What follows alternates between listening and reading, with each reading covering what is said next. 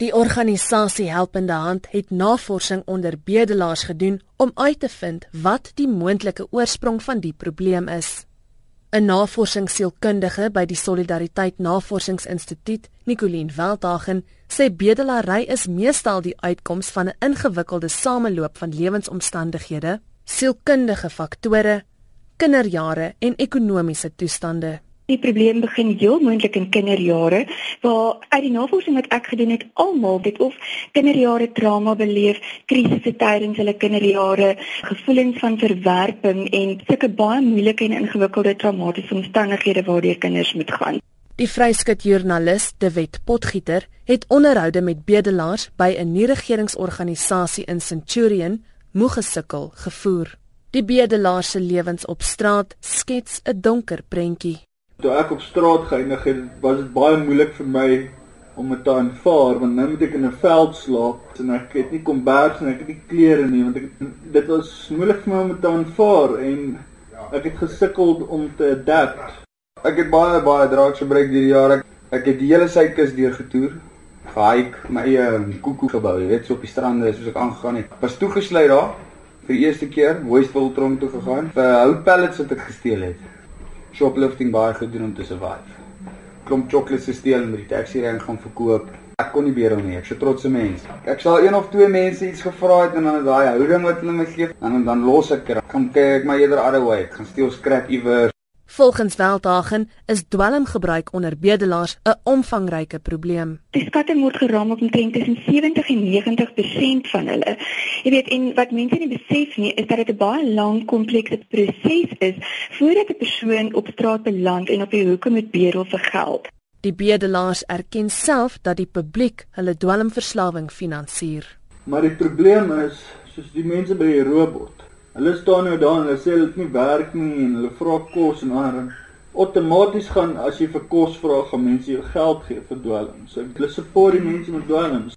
Hy sê hulle sal enige iets doen om dwelms in die hande te kry. Ons gaan bedel of ek het gesteel, tronk in, tronk uit, tronk in, tronk uit.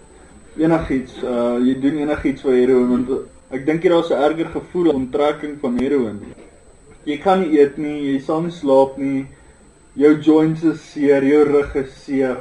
Jy kry koud, jy kry warm, snaar jy gooi op. Is dit sleg?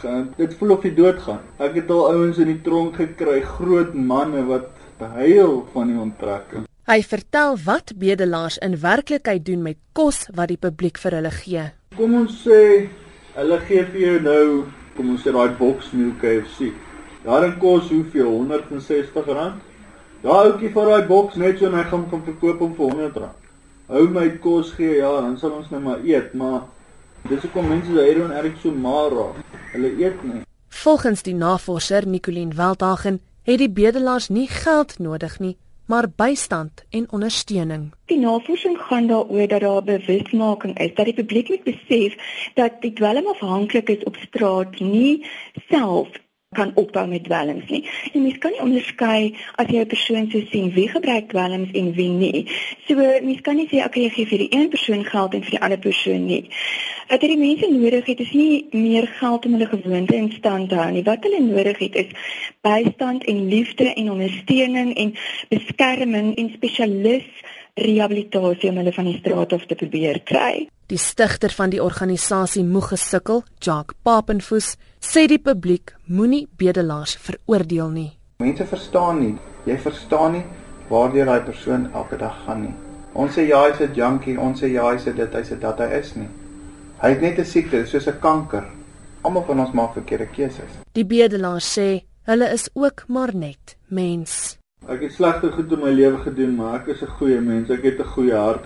Soos nie daai ding dat ek wil mense seermaak of ek hou daarvan of ek het baie demons in my wat ek nog moet uitsort. Hierdie verslag is saamgestel met behulp van die vryskut joernalis De Wet Potgieter. Ek is Dianke Nel vir SABC nuus.